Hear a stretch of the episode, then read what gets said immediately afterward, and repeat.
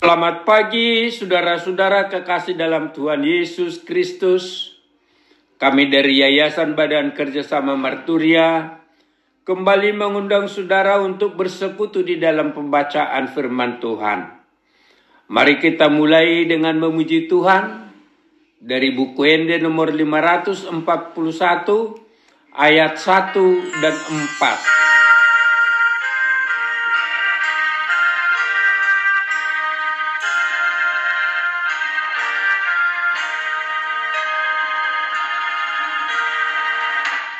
Namulak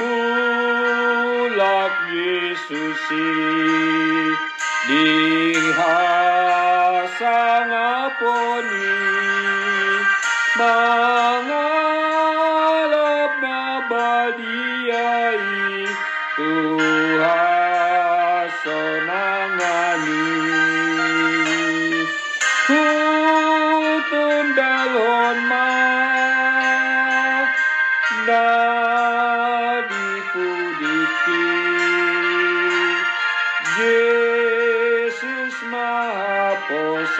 Posati diharoronai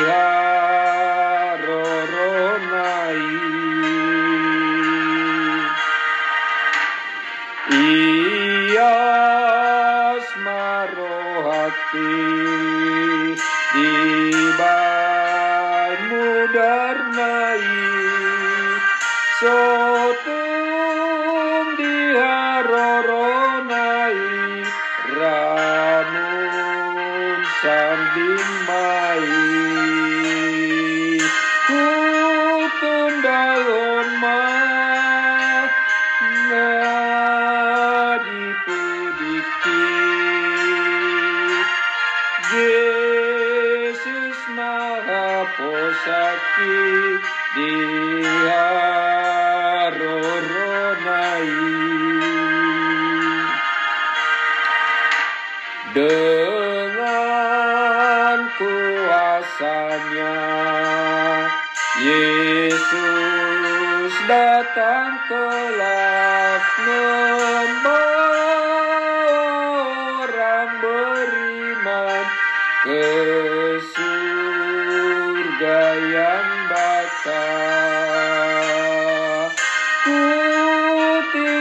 tinggalkanlah kuasa yang fana.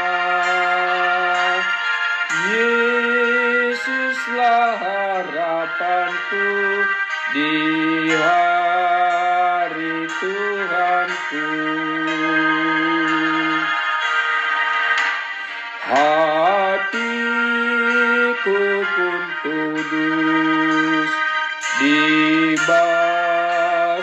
darahnya.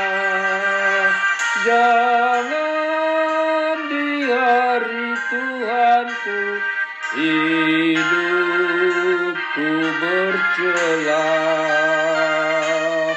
Ku tinggalkanlah kuasa yang fana.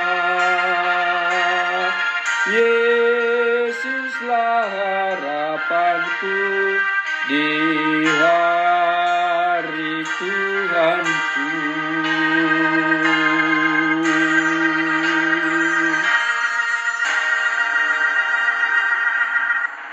Mari kita berdoa. Tuhan, di pagi hari ini kami datang memuji dan memuliakan namamu, serta mengucapkan syukur atas segala berkat-berkatmu dan pemeliharaanmu di dalam hidup kami. Kami mau mendengarkan firmanmu, berikan kami hikmat untuk memahami dan melaksanakan firmanmu itu di dalam kehidupan kami sehari-hari, karena engkaulah juru selamat kami. Amin.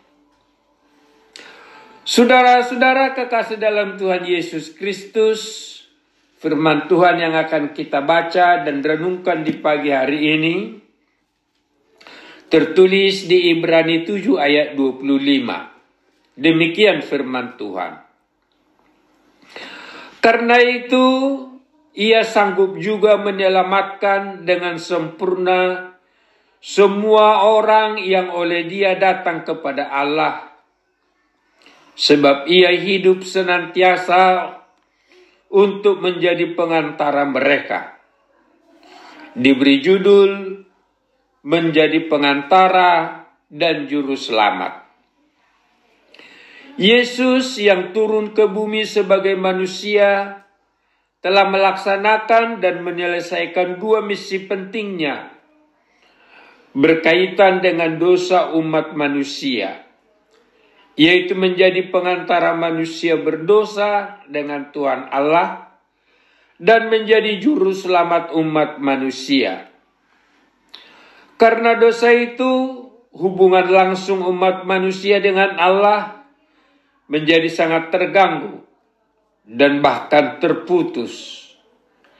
Tetapi Allah yang Maha Kasih itu telah mendamaikan dunia dengan dirinya melalui perantaraan Kristus. Tertulis di 2 Korintus 5 ayat 18. Kita boleh kembali menghadap Allah melalui Tuhan Yesus.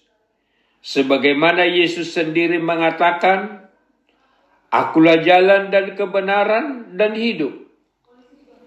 Tidak ada seorang pun yang datang kepada Bapa kalau tidak melalui aku. Tertulis di Yohanes 14 ayat 6. Saudara-saudara kekasih dalam Tuhan Yesus Kristus, demi keadilan Allah, semua orang berdosa harus dihukum. Hukumannya adalah maut, kematian yang selama-lamanya.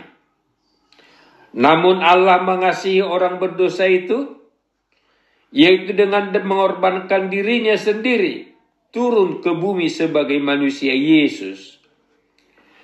Yesus sebagai domba Allah yang tak bercacat dikorbankan sebagai tebusan atas dosa-dosa manusia. Yesus yang tidak mengenal dosa itu harus rela mati disalibkan untuk menggantikan semua orang berdosa. Pada hari ketiga, Yesus bangkit dari antara orang mati, yang berarti Yesus telah mengalahkan kematian. Dengan kematian dan kebangkitan Tuhan Yesus, semua orang berdosa telah diselamatkan dari hukuman maut dan dilayakkan menerima keselamatan dan kehidupan kekal. Saudara-saudara kekasih dalam Tuhan Yesus Kristus, jadi manusia menerima keselamatan kekal itu sebagai kasih karunia Allah melalui pengorbanan Yesus. Kita menerimanya dengan percaya pada Yesus adalah Tuhan dan menerimanya sebagai juru selamat serta mengandalkan dia dalam kehidupan kita sehari-hari. Keselamatan kita adalah sempurna di dalam Yesus.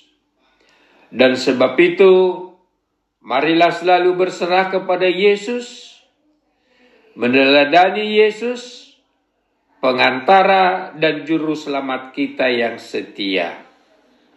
Amin. Mari kita berdoa. Terima kasih Tuhan Yesus yang menjadi yang menjadi pengantara kami kepada Tuhan Allah dan telah menganugerahkan keselamatan yang sempurna bagi kami. Amin. Selamat Advent saudara-saudara. Selamat melakukan segala kegiatan yang berkenan bagi Tuhan.